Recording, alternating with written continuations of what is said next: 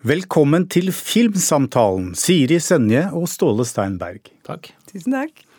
Dere har begge lang erfaring innen manusutvikling i norsk film- og serieproduksjon, både som forfattere og dramaturger. Siri, du er i dag professor i dramatisk skrivekunst ved Høgskolen Kristiania, mens Ståle er blitt utviklingssjef hos Maipo Film etter en lengre periode som ansvarlig for kunstnerisk vurdering i Norsk Filminstitutt. Hvorfor dere sitter her i dag, skyldes en artikkel du nylig skrev på rushprint.no, Siri, der du etterlyste bedre utviklingsprosesser innen manusskriving i norsk film og TV. Altså, vi gjennomlever en dramaboom og det som gjerne kalles, på en litt klisjéfylt måte, seriedramaets gullalder.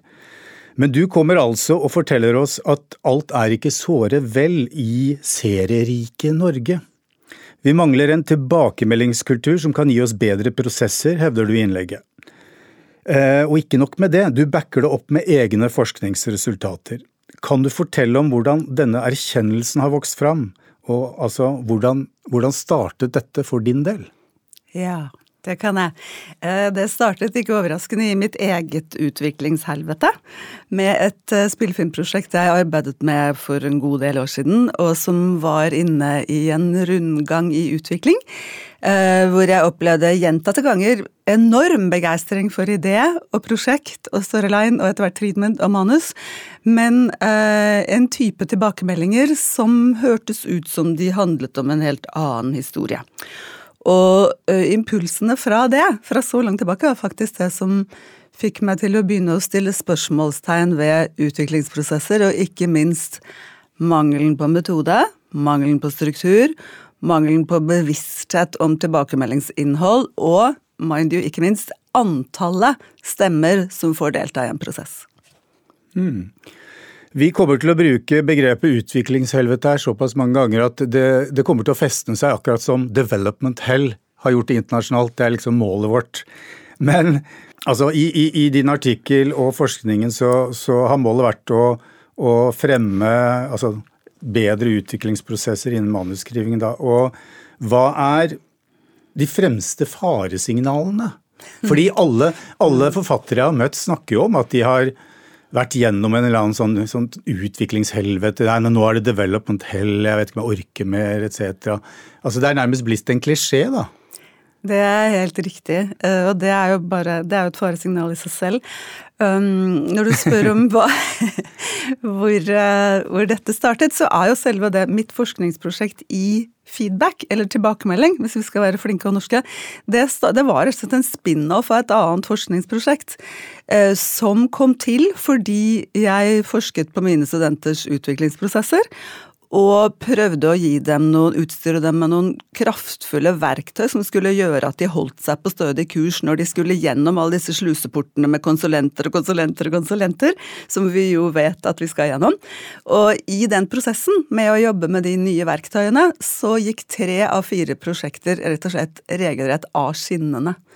Og da måtte jeg finne ut av hvorfor de gjorde det og så gjøre det bedre i neste syklus av forskningsprosjektet, for det her var en pilot. Og da jeg begynte å forske i hvorfor de gikk av skinnene, så var svaret på alle de tre at det var tilbakemeldinger gitt av ekstern eh, responsgiver. Nå kaller jeg det responsgiver, for jeg, prøver å lage et slags norsk språk for det her. Mm. Mm. Så da var det jeg begynte å gå feedbacken etter i sømmene, innhente rapporter om den og dele den opp i forskjellige typer feedback osv. Ståle, mm. hva, da vi spurte om du hadde lyst til å være med og snakke om disse tingene, så sa du at ja, dette kan vi snakke en god del om. Mm. Eh, altså, Hva er det du gjenkjenner her eh, fra din erfaring som forfatter og responsgiver i mange sammenhenger? Dette har jo du vært gjennom. Jeg tenker at alle som, skriv, alle som skriver, kjenner seg igjen i det å få prosjektet sitt spor av. Det er jo ikke unikt, eh, og i hvert fall ikke unikt norsk heller. Eh, men det jeg kjenner meg veldig igjen i, er eh, det med det Siri kaller liksom, eh, utviklingsgruppa. Hvor mangfoldig og folksom kan du la den være uten at prosjektet sporer av. Det er et sånn kritisk punkt. Og det har jo med at som du også nevner i artikkelen din, Siri, at det er forferdelig mange som føler seg både skikka til og berettiga til å komme med ganske sånn direkte ufiltrert feedback til den som sitter og skriver. Jeg pleier å si at det enkleste i verden eh, er å skape skrivesperre. Mm. Og det skjer jo veldig ofte, eh, nettopp fordi han ikke er eh, metodisk nok og ikke er forberedt nok i disse prosessene, rett og slett. Så det, det er et enormt potensial for forbedring. Mm. Siri, du opererer med en alarmliste. Mm. Med tilbakemeldinger manusforfattere bør være spesielt oppmerksomme på. Ja. Si litt om det. Ja, altså Det er viktig. Det, det, etter at jeg kategoriserte all feedbacken, og også kategoriserte tilnærmingene, altså hvordan snakker du til forfatteren, er det ytrestyrt eller indrestyrt osv., så, videre, så fant jeg ut av gjennom den lista mi da, hvor, er de, hvor er de verste? Hva er det vanskeligste typen feedback å møte? Og det var i alle de tilfellene av avsporing var det jo den typen feedback. Og jeg laget den lista også fordi det er jo viktig å ta med seg her at vi skal ikke slutte med feedback. ikke sant? Vi, vi, vil ha responsgivere på prosjektene våre, og vi vil utvikle med åpent blikk mot folk som er vårt første publikum. ikke sant? Men alarmlista er jo da den typen feedback man kanskje ikke har så godt av å lytte til, da. Fordi den ikke er i tråd med prosjektets intensjoner. Og den kanskje til og med kan komme fra en responsgiver som ikke er spesielt godt forberedt. Eller en responsgiver som leser inn i det på en ubevisst måte sitt eget prosjekt. Og, på den lista, da, hvis jeg skal ta litt fra den, så er det jo da det normative. Altså folk som har base i et eller annet form for verdisett som de kanskje ikke selv vet at de har. Det er den emosjonelle, som Altså kreative folk, som jo responsivere er, lar seg ofte styre av egne emosjonelle grunnholdninger. Så det emosjonelle og det normative er nesten det farligste. Så er det vel en tre-fire andre på den lista. Mm. Man har jo hørt mange historier. Jeg har jo fulgt denne bransjen i et par tiår også, eh, og hørt mange historier om, om hvem eh, produsenter tillater å, å, å, lese og gi innspill på manus. Og, og, jeg husker en gang at uh, en forfatter fortalte at, uh, at produsenten hadde latt uh, frisøren til kona komme med innspill. Og Det er nesten det er sånne ting man på en måte har sett i, i, i satiriske Hollywood-filmer, nærmest. Altså The Player og, og, og, altså filmer som handler om litt sånn absurde utviklingsprosesser. Men, men hva forteller det egentlig om, om kulturen i denne bransjen? Altså Eh, nå er jo det veldig satt på spissen, eh, dette med frisøren til kona, men, men, er det ikke noe på en måte klare ideer og forestillinger og en kultur for å, å velge ut rette personer? Ja, nå spør jeg dere begge, egentlig. Ståle? Nei, altså, det er forskjellige måter å se dette på. Det kan godt hende at frisøren til kone er en eh, god representant for et Det var egentlig det jeg også skulle si. Ja. Eh, så det er jo ikke no dermed sagt at, frisøren. Nei, nei, men, og det kan godt hende at det vedkommende kommer med er verdifullt. Men en skal jo eh, ikke nødvendigvis blande det inn i utviklingsprosjektet og inn i, i det som er utviklingsfellesskapet. Eh, men det kan eh, gi noen pekepinner for f.eks. produsenten på et annet nivå eller et annet stadium. Men Siri, du nevnte et ord i stad før vi gikk inn, som eh, du kalte altså empowerment. Som på norsk kanskje kan kalles myndiggjøring. Det er et ansvar hos forfatteren her også, i forhold til hva slags tilbakemeldinger en faktisk velger å lytte til og ta til seg osv. Så så det er litt sånn tosidig. Det kan godt være at en uforstandig produsent kan spore av ting, men det er også det hviler et visst ansvar på forfatteren også i forhold til å ta det rommet og eie sin egen utviklingsprosess og være selektiv i forhold til hva en hører på osv. Og så er det også viktig for responsgiveren, som eh, og der mener jeg der har vi veldig mye å gå på, for vi har ingen sånn kultur for å øh, jobbe metodisk med dramaturgi og dramaturger og responsgivere i film eh, også være bevisst på hva slags forfatter han har foran seg, og hva slags eh, eh, hva skal si, kompetansenivå det er på. For det er lett for både Siri og meg. Vi kan utrolig mye mer om eh, dramaturgi enn de aller, aller fleste. Det skal jeg all beskjedenhet si. Eh, det hjelper oss lite hvis vi blir normative eller instruerende. Mm. Så det er jo en rolleforståelse her som er minst like viktig som hva skal si, den faglige kompetansen. Mm.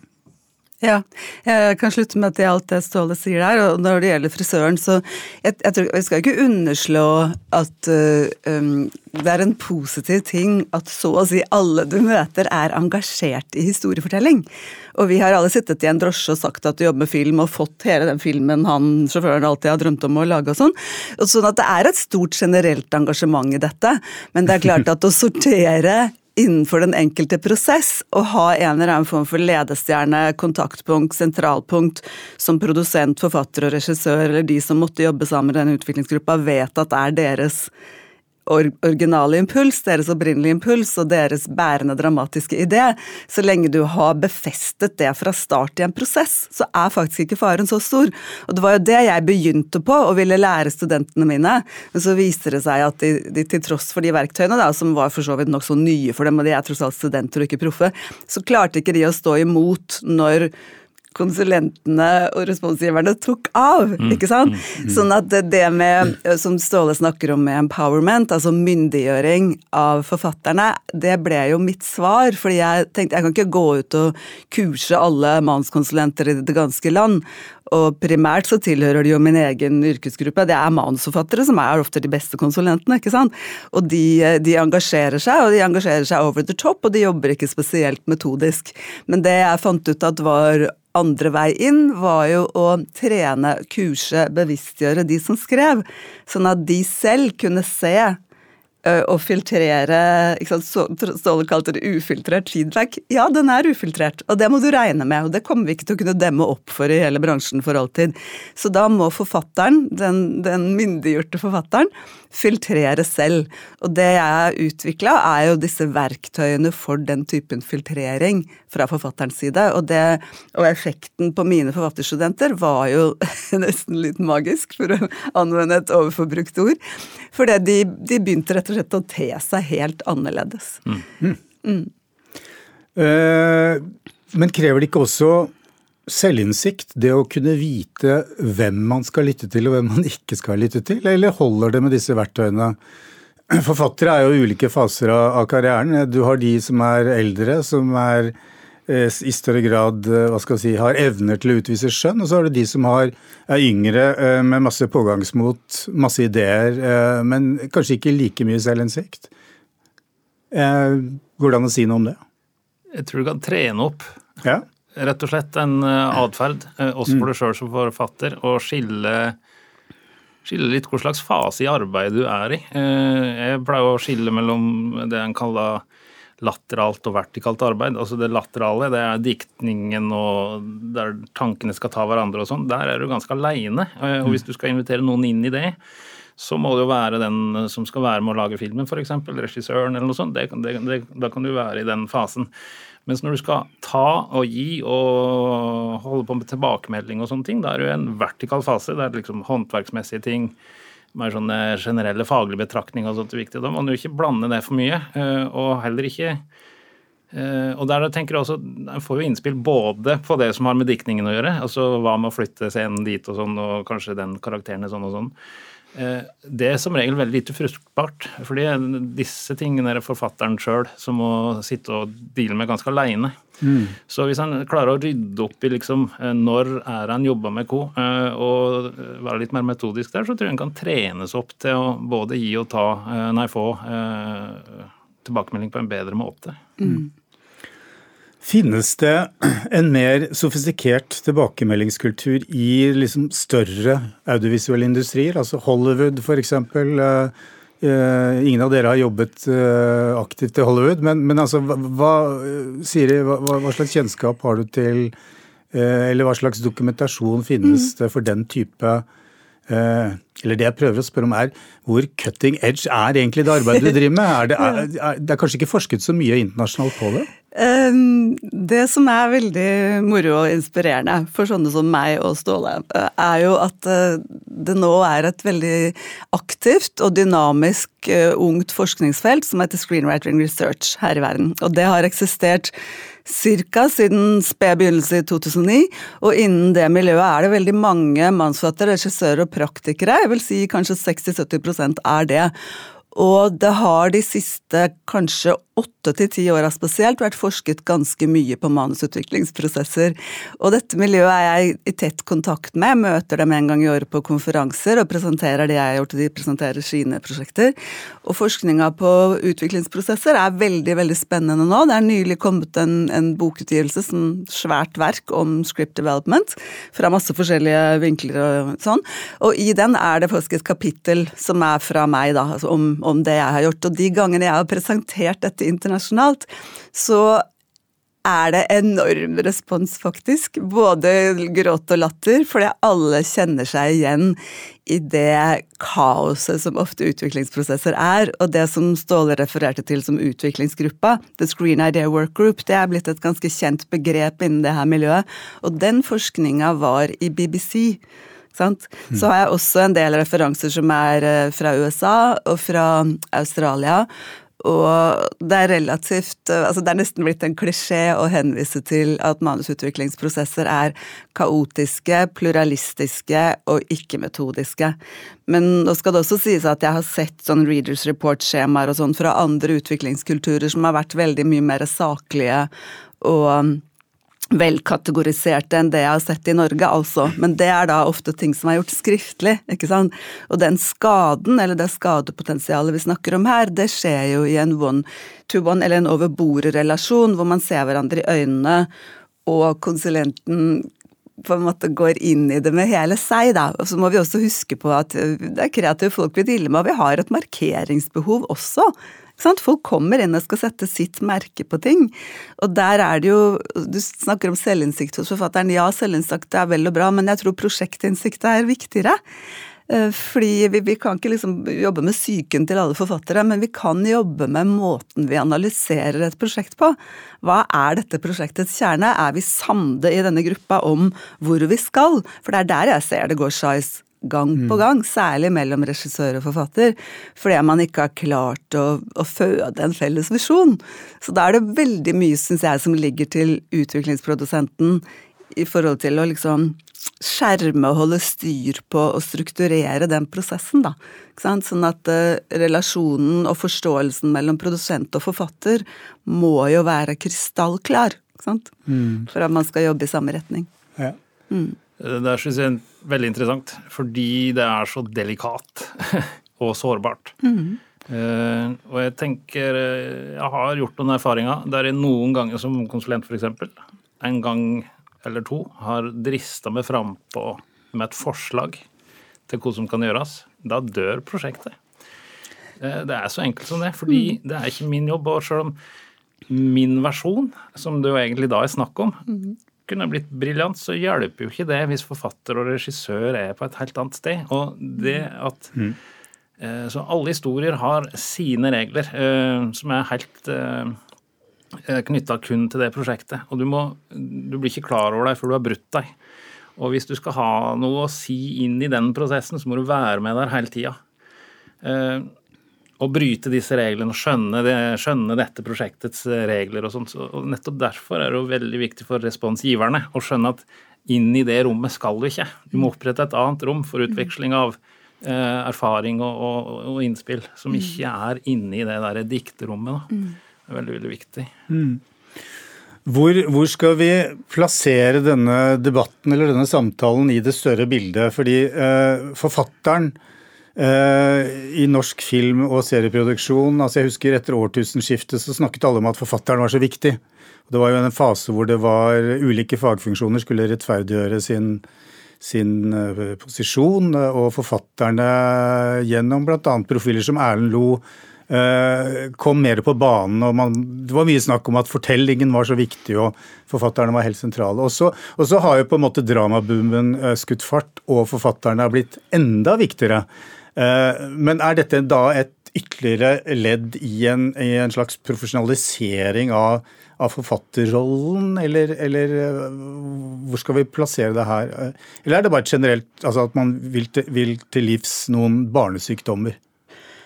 Eh, jeg tror ikke det er barnesykdommer. Jeg tror Nei. det ligger veldig mye i sakens natur. Både det med at kreative mennesker utvikler ting i kollaborative sammenhenger, men også i det at, eh, at kunstformene, altså film og teater og sånn performative kunstformer, er jo kollektive. Det er mange kunstnere som skal inn, og det er mange som skal mene. Og jeg, jeg tror ikke det er noe barnesykdom, for jeg, jeg, tror det har vært der hele tiden. Mm. Så uh, hvor skal vi plassere denne debatten? Altså, jeg, jeg tror at uh, det er, som Ståle sa i starten, det er så mye å hente på å gjøre noen relativt enkle grep i utviklingsprosesser, og rett og slett bevisstgjøringen.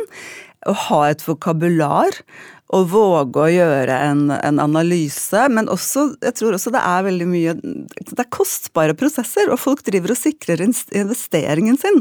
Noe som selvfølgelig er umulig. ikke sant? Sånn at hvis jeg henter inn en eller annen VIP nå, og han får lov å si hva han mener, så blir sikkert alt bra. Og hvis den andre superforfatteren setter sitt stempel på dette, så blir alt fint. Men sånn er det jo ikke. For hver av dem har et stempel, og de stemplene passer ikke sammen. Ikke sant? Som Ståle sier, du må være inne i det rommet prosjektet har skapt for at du skal kunne føre det prosjektet videre sammen med dem som har unnfanget det. Mm. Men, men, jeg er veldig optimistisk eh, når det gjelder dette, fordi at jeg har fått så positive tilbakemeldinger på denne formen for tenkning. Og nå er det ikke særlig mange broer mellom eh, skoler og felt her i Norge, da, men noe av det vi driver med på Westerdals, er jo å prøve å bygge de broene. ikke sant? Og skrive sånne ting som det jeg har gjort nå. Um, invitere produsenter inn i våre, i våre arbeidsprosesser. Lage en mastergrad som vi nå skal lage som er veldig bransjenær, og hvor vi også har dette som fag. Altså vi, vi utdanner studentene våre i det, forfatterne våre i det, så de får et valgfag hvor de kan drive med story editing og responsgiving og den type ting, da. Mm. Uh, er det Altså, denne bransjen er jo ikke kjent for å ha uh, hva skal vi si uh, lang hukommelse i, i, forhold til det å Altså, man, man, man, jager jo det neste prosjektet. Man har liten tid. er man ferdig med et prosjekt, så er det neste. Eller helst bør man ha begynt på det neste for lenge siden.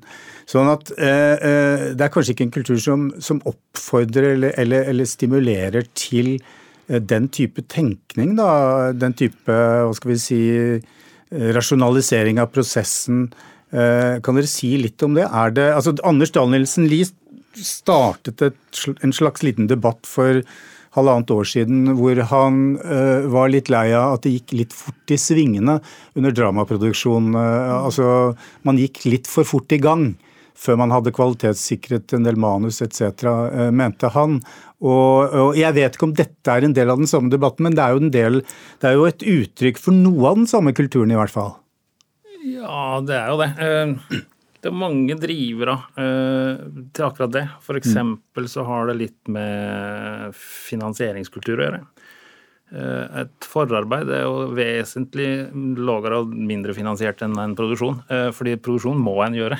så, det, det, og, og, så lenge det ikke er på en måte tilstrekkelig med midler i prosjektet tidlig i fasen, så må en jo rushe for å komme i produksjon, for å uh, få tak i de pengene en trenger for å lage filmen. Mm. Så der er det jo uh, også noe å ta tak i i forhold til å uh, gjøre ressurstilgangen bedre i utviklingsfasen, ikke minst på penger. Mm. og jeg, altså, Du sier, sier at det går mye penger ut av prosjektene til dårlig forarbeid, men mm. noe av grunnen er kanskje også at det er billig å drive forarbeid for billig, hvis en skal sette det på spissen. Yeah. Eh, så det handler også om at en på en måte må forvente å bruke mer penger, eh, rett og slett, på den fasen for at eh, det skal stagge. Men jeg tror Altså, jeg ser jo helt positive trekk nå. De fleste, eller veldig mange store produsenter knytta til seg den type spisskompetanse på fast basis og har et opplegg gående for å bli bedre på å utvikle prosjektene sine. Fordi det er det viktigste finansieringsverktøyet du har òg. Det er et godt utvikla prosjekt. Mm. Så dette er jo også ganske lyst på framtida mm. med tanke på dette. Og ikke minst da når i tillegg utdanningsleddet er såpass eh, på som det er her, så, så lover det jo bra, da. Ja.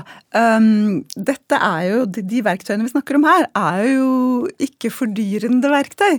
Det er jo snakk om effektivisering av prosesser. Og at færre og mer bevisste mennesker jobber sammen og får de ressursene de trenger til å gjøre det forarbeidet som skal gjøres. Det er nesten som du altså, låner fra helsevesenet ordet pakkeforløp. ikke mm. sant? At du vet at når et prosjekt går i utvikling, så skal det, det og det skje. Man skal forbi den fasen hvor man vet at man har samlet sammen opprinnelig impuls, man har samlet sammen bærende dramatisk idé, og, man vet, liksom, kan peke ut hvor man skal. Mm. Og det er faktisk effektiviserende. Mm. Ja. Dere har jo vært med en stund, eh, ikke minst som forfattere. Eh, siden 90-tallet, kanskje, vil jeg påstå. Ja, det er jo ikke noe Det kan vi leve med ved å si og stå fram med. Eh, og kan dere si litt om altså, forfatternes posisjon i, i, løpet av den uh, perioden.